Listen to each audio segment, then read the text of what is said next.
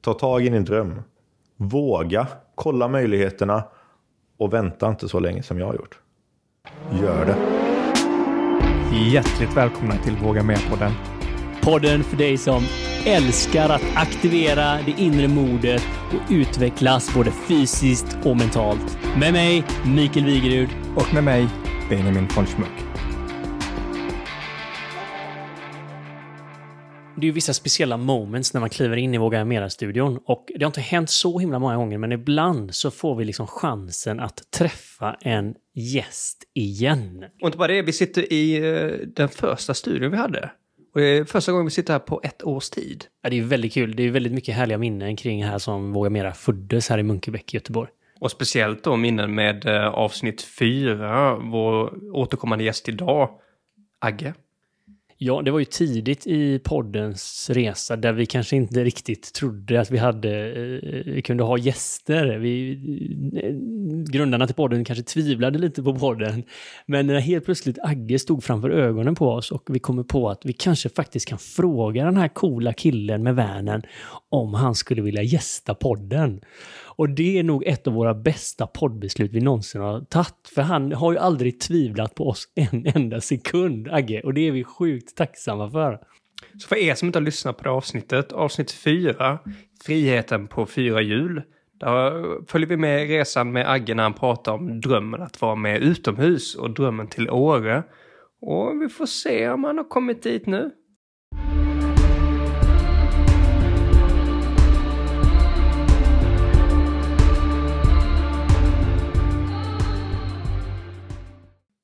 Det är så grymt härligt att sitta här med eh, Karl Agge igen efter typ ja, 60 avsnitt närmare.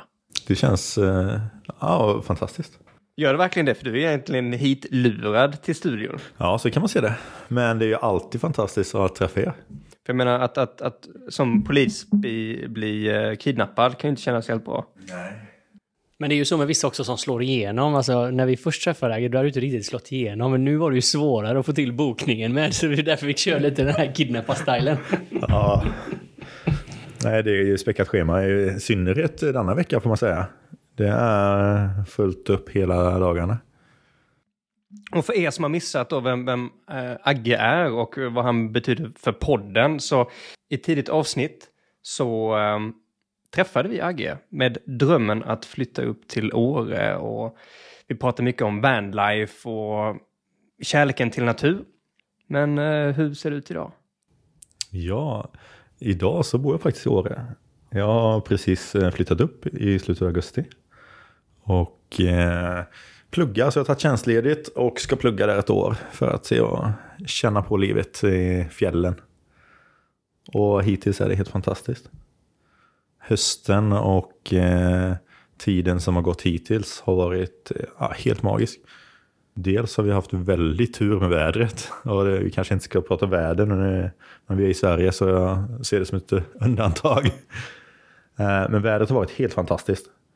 Det är ju jäkligt häftigt det här. Vi, vi, vi minns ju lite när vi träffade dig i. Och alla som har hört avsnittet eh, vet ju att det finns en frihetsdimension och kanske en längtan man kunde känna också till att förändra någonting i livet. Och det var ju vår första gäst, Benjamin, va? Ja. Och det öppnade också en... Det blev ju det här på fyra hjul och det har ju varit mycket prat om vanlife och alternativa sätt att leva och sånt eh, senare i podden. Vanlife, vägen till frihet. Exakt. På fyra hjul, ja precis. Så det var väl ett startskott för eh, att du började bygga din bil, Benjamin. Jag tror det är många i hela Sverige som började efter avsnittet. Och att du upptäckte att du hade en upp, uppslagsbok för finurliga lösningar eh, runt hörnet där i form av Agge. Men också där, så då, då pratar du ju redan mycket då ju om naturen och hur kan man kanske förändra det sättet man bor på. Om man har nu jobbat och levt i Göteborg i en miljon år, går det att ändra någonting? Så hade vi ju Våga Mera-dagen. Det var ju många kära lyssnare som var där. Eh, innan eh, covid satte sitt grepp om andra planer så var vi ute på Björke en eftermiddag, en somrig eftermiddag. Och vi hade ju mycket trevligt, men vi hade ju en liten övning också. Ja, men man skulle väl skriva någonting, ett mål som man skulle våga göra inom, om det var ett år eller någonting sånt där. Så Så hela idén är att tillsammans som grupp hålla varandra ansvariga för de här bedrifterna som man ville våga lite extra. Och vad stod på din lapp? det stod faktiskt att eh, flytta upp till Åre. Och här, eh, lite drygt ett år efter, så bor jag faktiskt i Åre. Så jag Så ser du är det just som en- nerflugen höll jag på att säga, men du har precis åkt ner kanske? Ja, eh, tog nattåget i torsdags. Skönt nu när man eh, pluggar också, det är ju lov. Man har ju massa ledig tid som man inte är van vid annars. Nej, och du har ju ställt om, alltså har, när, när pluggade du senast? För du har jobbat... Ja, senast var... Jag slutade plugga 2011. Så det var några år sedan. Ja. Eh, drygt 11 år sedan som jag slutade plugga. Och då har det ju varit eh, ekorrhjulet och eh, jobb hela tiden. Även om man såklart har varit iväg och rest och sådär så är det helt annorlunda nu. Hur är det att vara tillbaka till plugget som vuxen, mitt i poliskarriären? För det första så får jag nog säga att plugg och plugg, det jag läser nu vet jag inte om man kan kalla det är en utbildning. Jag läser på en folkhögskola, fjäll och friluftsliv. Och det är ju en lekplats för folk som har gått ur gymnasiet tänkte jag säga. Eh, och det är ju helt fantastiskt. Att man kan få lån och eh, bidrag för eh, att ta ett break så här eh, borde de flesta göra och testa på något helt annat. Alltså ett break istället för att bli mamma eller pappaledig så kan man vara ute i naturen. Det låter ju nästan too good to be true. Ja, men, Men du, faktiskt. för, för nu är det mycket ingenjörspoäng och högskolepoäng här i studion. Eh, Detta är väldigt alternativ utbildning, men det låter ju sjukt spännande. Kan du bara ge oss en liten kort introduktion till vad är det här egentligen eh, du utbildar dig i och hur kan en dag se ut? Vi är egentligen, vi är mest ute. Syftet är väl att vi ska bli eh, mer trygga och eh, vana vid fjäll och natur. Så vi lär oss allt om eh, kultur, jämtländsk kultur, svensk kultur, natur, växter, fåglar, djur, geologi, mycket historia. Och samtidigt som vi då är ute i naturen, så vi är ute i princip hela dagarna. Ja, då är vi ute till fjälls och vi tar oss fram eh, ja, till fots eller med skidor. Vi har inte börjat med skidor ännu, men eh, så fort snön kommer då är det turskidorna på och så eh, är det knata på. Det låter som att ni har flyttat ut klassrummet på något sätt. Ja, men det kan man säga. Alltså, vi har ju i princip ingen teori. Utan all teori och sånt sköts utomhus. Vi åker ut, eh, första veckorna var vi ute väldigt mycket med övernattningar. Och då eh, kan man vara ute två, tre, fyra nätter i veckan. Och det var allt från vandringar till paddelturer och bo i tält. Vi får förtydliga då, det är så paddel, inte som paddel som man gör här i storstäderna utan Nej, alltså paddling kanot. Nej, så eh, vi tar oss fram och eh, lite på samma sätt som eh, jägarna och samlarna förr i tiden på eh, stenåldern och eh, jägaråldern. Att man tar sig fram och man, man lever på ett liknande sätt på det som naturen har att ge. Att man lär sig det. Nu har ju vi med oss mat och betydligt bättre utrustning och förutsättningar men för att få en känsla av hur det var då. Nu är inte du ny till naturen och det här med att kampa och vanlife, det är någonting du gjort innan. Men hur var kontrasten att jobba liksom i en storstad i Sverige och jaga bovar? Eh, Alltså kontrasterna är ju enorma. Eh, Ett av mina mål med utbildningen är ju när man kör vanlife, det är ju ett ganska bekvämt sätt att vara ute i naturen. Man sover bra, man har sitt skydd, allting är ganska tacksamt. Men ett av mina mål nu är liksom att lära mig bli bekväm i att vara obekväm. När man är ute och tältar mycket och länge, då är det, det blir lite blött, det är kallt, det är rått. Det är jobbigt med utrustning när man släpar mycket. Man kan liksom I, I bilen, då allting får plats. Man behöver inte släpa på någonting. Allt man ska ha med nu måste få plats i ryggsäcken.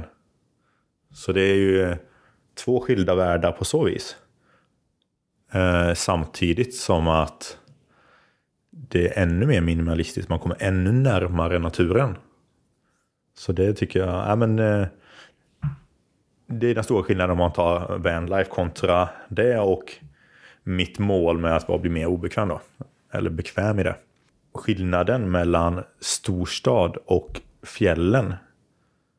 Det är ju lite som när jag kom, kom hit, när jag gick, ju, eh, gick av tåget här i eh, fredags morse. Och kollade mig omkring, allting är grått. Hus, det är blött på marken och massa folk.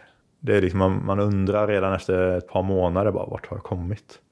Och då är jag tillbaka till Göteborg där jag har eh, levt de senaste 11, dryga 11 åren. Men du har inte varit iväg så länge, du har bara varit iväg i tio veckor. Har du redan fått en sån förändring? Ja, faktiskt. Det, det är helt sjukt. Man säger ju det att eh, för att skapa en ny vana så behöver man liksom hålla i tre månader, men det tog dig liksom några dagar, sen hade du... Ja, men lite så faktiskt. Fast det har ju också varit, alltså, min längtan har ju varit så stark till naturen och fjällen. Och den typen av miljö. Så att känna den dragningskraften. Jag, jag känner ju det efter en vecka när man är där annars. Att fan, jag vill vara kvar här. Och nu när man får möjligheten att faktiskt vara kvar där. Då märker man extremt stor skillnad när man kommer hem sen. Eller kommer ner till Göteborg. Det är inte här jag ska vara, utan det är ju i naturen som jag ska vara. Det är ju så jäkla mäktigt att du har följt eh, den här längtan. Eh, man har ju kunnat se den, alltså du har ju läckt lite grann av detta under ett par år så att säga. Men eh, tänk vad många vi är som gör det kanske under en hel livstid också. Tills att man kanske stänger av den eller mest tänker på något annat. Men den har ju ändå på något sätt känts så stark att du inte kunnat skaka av dig den här längtan heller. Ja. Nej, jag har ju velat att testa bo i Åre just. Ja, vad kan det vara? Fem, sex, sju år. Utan att jag har kunnat släppa tanken. Och kollat mer och mer intensivt på lösningar och vad, ja men hur ska jag göra? Jag har kollat lite med jobb och sånt men där är man ju lite trygg. Man vet vad man har, inte vad man får och dels är det ganska svårt att, att få jobb i det området, i alla fall med det som jag jobbar med idag. Och det jag känner att i nuläget jag vill fortsätta jobba med. Då, alltså, då är det svårt. Då är det utbildningar och vissa utbildningar. Det är ett fåtal utbildningar som jag tycker är intressanta, tillräckligt intressanta för att hoppa på. Och detta var ju en sån utbildning. Och då kände jag att när chansen kom då bara, men jag, jag har längtat länge, jag kan inte låta bli att ta den. Då skulle jag bli galen. Nu efter tio veckor. Att ha den här längtan, att ha det här målet. Det är lätt att man liksom förskönar det och tänker att ja, men alla mina problem löser sig om jag bara kommer iväg. Nu när du varit iväg ett tag, hur, hur, hur blev det? Blev det precis som du hade tänkt dig? Var det liksom inte riktigt det du hade tänkt dig? Eller hur, vad, vad hände? Eh, nej, jag kan inte säga att eh, det blev precis som jag hade tänkt mig. Jag hade förhållandevis låga förväntningar faktiskt. Trots sex års dröm? Ja. Så inga drakar eller uh, unicorns eller uh, nej, magic mushrooms? Faktiskt inte. Ja, magic mushrooms möjligtvis då, men... nej, nej, det är väl flugsvampen. Så, nej, skämt åsido. Uh, inte alls så. Jag känner bara ett lugn när jag är där. På ett annat sätt. Sen finns det en annan liten, jag ska inte säga oro, men det finns en annan tanke jag har just nu. Allting är nytt. Jag läser, jag har mycket folk runt omkring som med samma intressen, allting sånt där. Och vad blir nästa steg? Om jag ska flytta upp på heltid sen, med jobb och allting sånt där hur blir livet utanför? När man inte längre har alltså, strukturen med utbildningen, att man är ute hela tiden, man har klasskompisarna runt omkring sig, det är lätt att hitta på någonting. Om man bor i sin egen lägenhet, det är ju inte, alltså det är inte jättemycket folk runt Åre hösten när det blir mörkt och mellan säsongerna. Det är ju ganska dött generellt. Det är klart att det finns folk som bor där uppe året om, men majoriteten av folk som är där är ju där säsongsvis, antingen sommar eller vinter. Eh, så då finns det ju en farhåga. Säg att jag stannar kvar efter utbildningen. Kommer jag känna mig väldigt ensam? Eller kommer man ändå hitta sammanhang, både socialt och eh, alltså, eh, privata sammanhang som man, som man klarar av och trivs bra med? Så himla bra att du är med podden, för vi har ju faktiskt några Våga Mera som eh, har varit med, som kommer från Åre. Så att nu kanske vi kan bondla ihop er. Så har du alltid någon att hänga med. Det ryktas ju att eh, legenden i friluftsliv, om man säger Lina Hallenbratt, har ju gått samma utbildning som dig. väl? Ja, men det stämmer. Har du träffat Så, henne? Ja, hon var faktiskt på skolan. Wow! Så eh, ja, jag kände igen namnet direkt där eh, i och med att jag är ju en, eh, även en hängiven lyssnare av podden här får man ju säga. Så ja, jag pratade lite med henne när hon var på skolan. Hon var där och presenterade sig och lärarna berättade lite om henne och hon fick berätta lite äventyrssnack och lite om utbildningen och sådär. Även om det var länge sedan hon gick den. Så nej men det var väldigt spännande. Det är ju fräckt det här att plugga som vuxen, om man säger så. Alltså att ha en lång gedigen yrkeskarriär emellan och sen våga ta klivet tillbaka till studier. Det är ju en stor bromskloss ska jag säga och väldigt få människor som gör det. Mm. Vad skulle du säga är de största insikterna?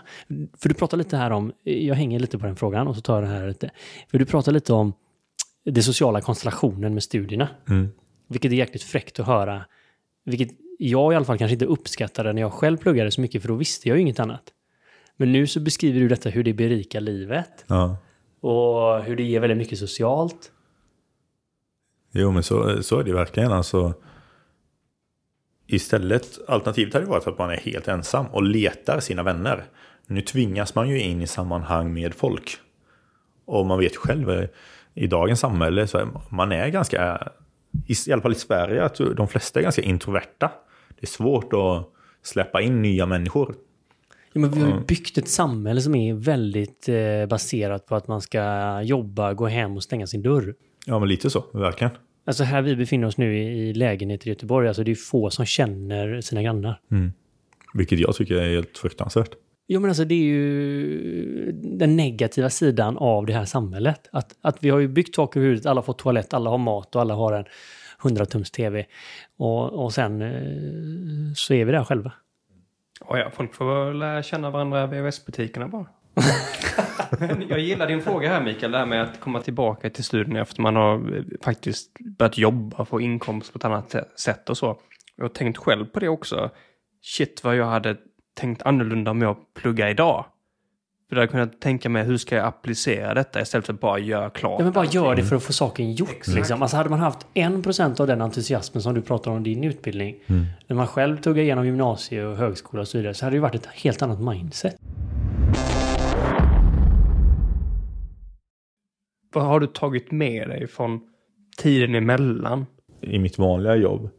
Det är ju ganska så både men, framförallt mentalt påfrestande. Så man bygger ju upp eh, en helt annan trygghet och erfarenhet och allting sånt där. Och det är ju, för i vanliga fall så har det varit polis på Hisingen. ja precis. Jag vad, är, vad är det typiska mentala grejer som kan liksom... man får ju se och vara med om väldigt mycket. Man får ju, man får ju se väldigt mycket skit och misär. Så är det ju. Och, och det är på gott och ont. Misären är ju aldrig god. Men det ger ju mycket lärdomar också.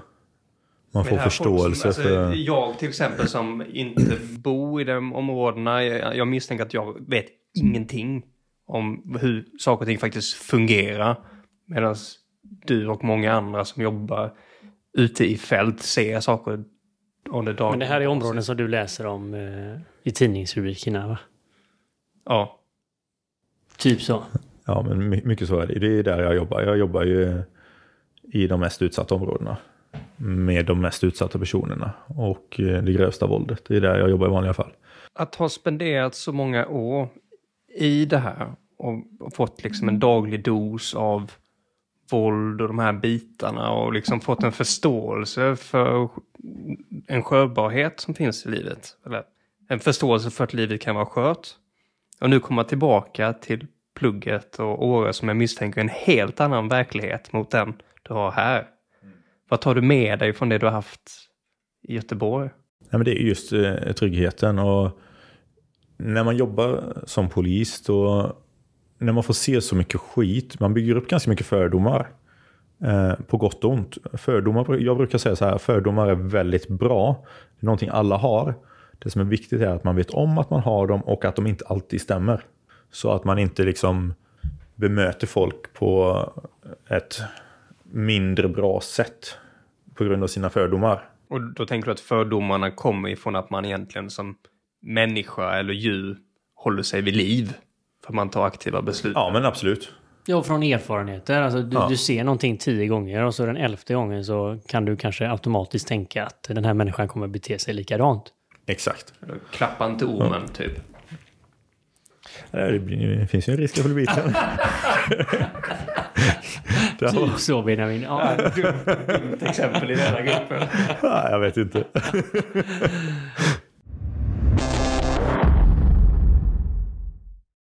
Alltså om, om man ska säga så här, till, eh, din, din process var ju ganska lång eh, i årsmässigt. Mm, Skulle du, när du tittar på den nu, skulle det gått att kunna göra detta kortare eller snabbare eller var det perfect timing? Alltså både och. Det är klar, självklart hade det gått att göra snabbare. Och det kanske hade varit bättre att göra det snabbare. Eh, åren går och eh, den här känslan har ju hindrat mig i mycket. Alltså längtan till Åre har ju hindrat mig i livet. På så vis att jag har kanske inte kunnat gå in helhjärtat på det sättet som jag hade velat i vissa situationer. Vissa typer av relationer som har blivit begränsade på grund av min längtan ut. Någon annanstans. Någon annanstans. Ja. Och det har liksom legat och gnagt. Vilket på sätt och vis är... Alltså det är kanske både oschysst och mot mig själv och i vissa relationer. Även om jag alltid varit öppen och ärlig med det. Så hade jag tidigare provat på det. Gått samma utbildning som jag gör nu. Då hade man nog varit någon helt annanstans. Eh, Det tror jag nog. Samtidigt så vet jag ju inte att jag kanske är nöjd med ett år upp i Åre. Nu har jag känt på det och det är svinnöjd med det. Eller hyr en stuga eller någonting ett par veckor eller månader per år. Och sen är det good enough. Men du har kunnat gå all in och förverkliga den känslan. Och, och, alltså jag kände igen mig själv mycket i det också. Eh, I, i, i min längtan som jag hade om, om en hel livsförändring och, och liksom min resa om man säger så. Men jag, jag kan känna igen mig i det där också hur det tog mig ifrån eh, kanske relationer eller jobb eller alltså saker som tryckte mig åt andra hållet. No, alltså lite normen och eh, vart... Eh, alltså förväntningar och kanske både förväntningar och förhoppningar man själv har någonstans inom sig. Men som begränsas utav det här då. Och sen normen att ja, men alla ens vänner och börjar skaffa familj och hela den Ja, biten. ja, det är väldigt stark kraft i hela den här processen ju som snurrar. Och jag menar, du är ju i perfekt ålder också för allt detta. Ja, ja, så är det ju. Alltid, alltid, per, alltid perfekt ålder. sant, sant. Men kanske lite svårare ändå i, i, i lite mer vuxen ålder att göra de här grejerna som du gör. Just för att modellen kanske säger att nu ska du inte plugga utan nu ska du skaffa barn eller Och jag har hus. eller- gjort mina år av lek. Ja, Men så är det ju mycket. Men det tycker jag någonting är väldigt fascinerande med utbildningen. Att det är väldigt blandat. Alltså det är folk, jag tror den yngsta är 19 och den äldsta 57. Så det är ju en eh, väldigt, de flesta är ju strax efter gymnasiet mellan 19 och 25.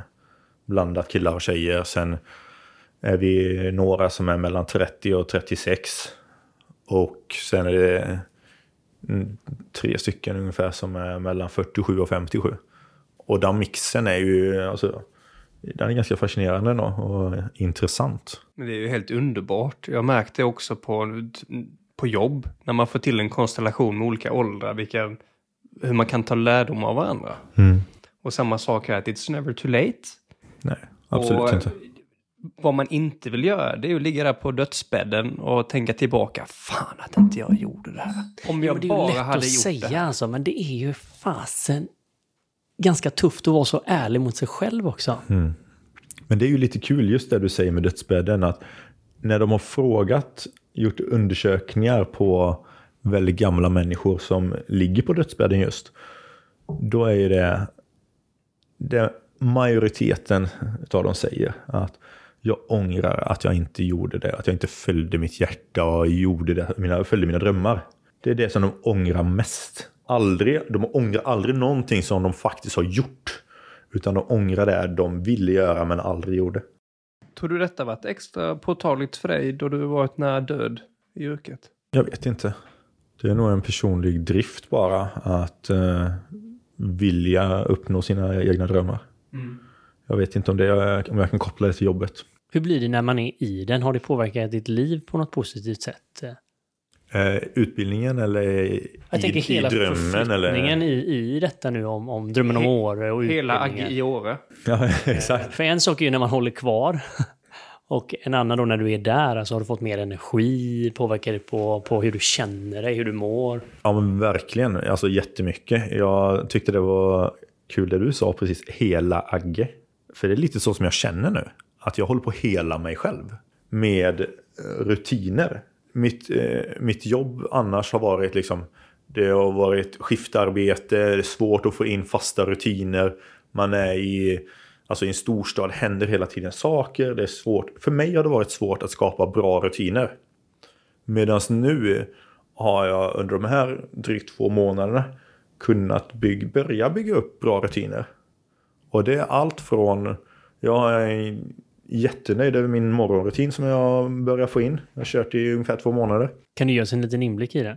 Vi börjar klockan nio på morgonen så det är ju sovmorgon varje morgon. Det är ju fantastiskt. Klockan ringer vid sju.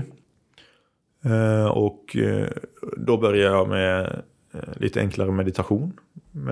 Använder telefonen, app på telefonen. Kör jag 5-10 minuter enkelt, ibland lite längre. Sen kör jag några minuter andningsövning. Också där fem minuter kanske. Sen går jag upp så kör jag lite morgonfys, lite armövningar, knäböj, lite olika övningar. Det är olika långt beroende på eh, hur jag, hur jag känner för dagen. Och sen avslutar jag med lite mer meditation och andningsövningar. För att kicka igång dagen. Och därefter så tar jag lite mina morgonmediciner. Eh, D-vitamin och omega-3. Som man får med sig där. Det är ju mörkt nu på hösten så det Sen eh, vatten, ett stort glas vatten och eh, lite proteinpulver bara. Så jag får i mig någonting. Och det känns faktiskt fantastiskt bra. Det är sjukt häftigt också nu när vi får veta detta, för när du kom in här i studion så var det första som jag och Benjamin sa, vad fan har du varit på träningsretreat? Du ser tio år yngre ut. och du har varit borta i tio veckor liksom. Ja, nej men det, det känns bra. Det känns som att det gör väldigt mycket att bara få de fasta rutinerna. Även om det inte är några svintuffa pass eller någonting. Men jag gör det varje dag och jag kör lite varje dag. Jag tänker lite mer på vad jag äter och jag håller fasta rutiner. Det tror jag är mycket, just det där ackumulativa. Det spelar ingen roll om jag går till gymmet eh, en gång i veckan eller två gånger i veckan och kör järnet. Det har snarare mer effekt om jag kör lite varje dag.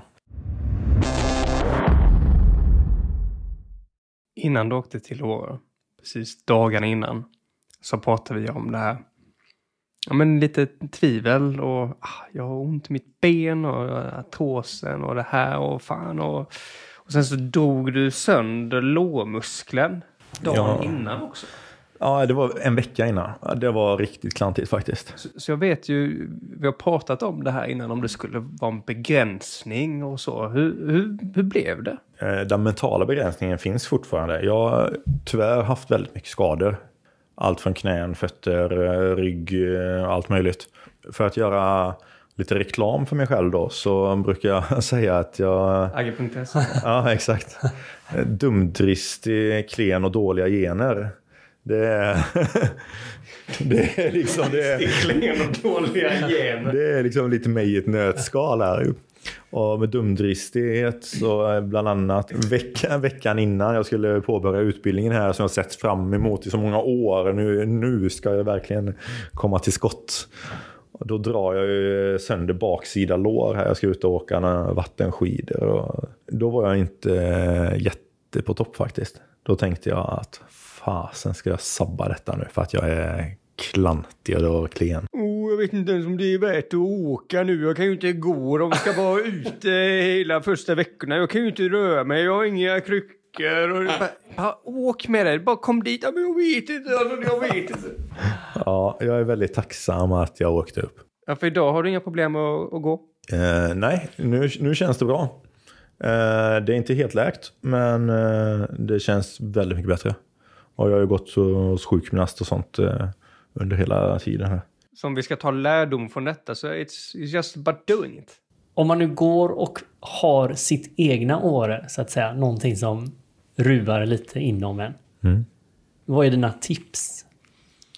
Eh, ja, men det skulle vara kolla upp möjligheterna. Jag vet att den största rädslan är att säga upp sig från jobbet och inte veta alltså inkomst och allting. Vad ska jag göra? Eh, kolla upp möjligheterna. Vart vill jag? Finns det någonting där? Antingen kolla möjlighet att jobba eller kolla möjlighet att studera. De möjligheterna som studier faktiskt ger i Sverige är ju helt fantastiska med att man kan få CSN-lån. Du kan mer eller mindre plugga vart som helst i hela världen. Och få det både bidrag och lån för det.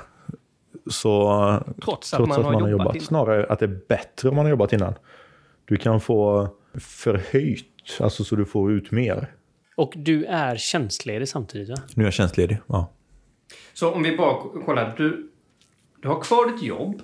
ja.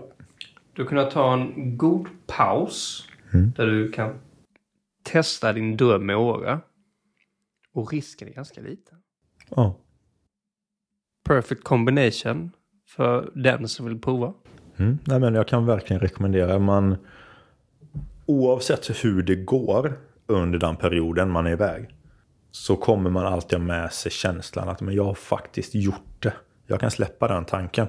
Så att man inte hindras av sina drömmar. Det är inte alltid drömmarna är som man har trott eller tänkt eller hoppats på.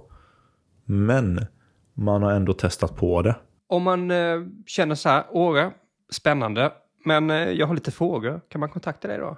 Självklart. Var hittar man dig? Via er. Vi lovar att lösa de kopplingarna. Ja. Och missa inte Agges eh, gamla avsnitt också. Det är väldigt lyssningsvärt. Frihet på fyra hjul. Stort tack till dig som lyssnar, som hjälper Våga Mer-podden att växa och nå ut via de sociala kanalerna. Vi är ingenting utan er lyssnare och både från mig och från Mikael så skickar vi ett stort Våga Mera så hörs vi igen i lurarna nästa avsnitt.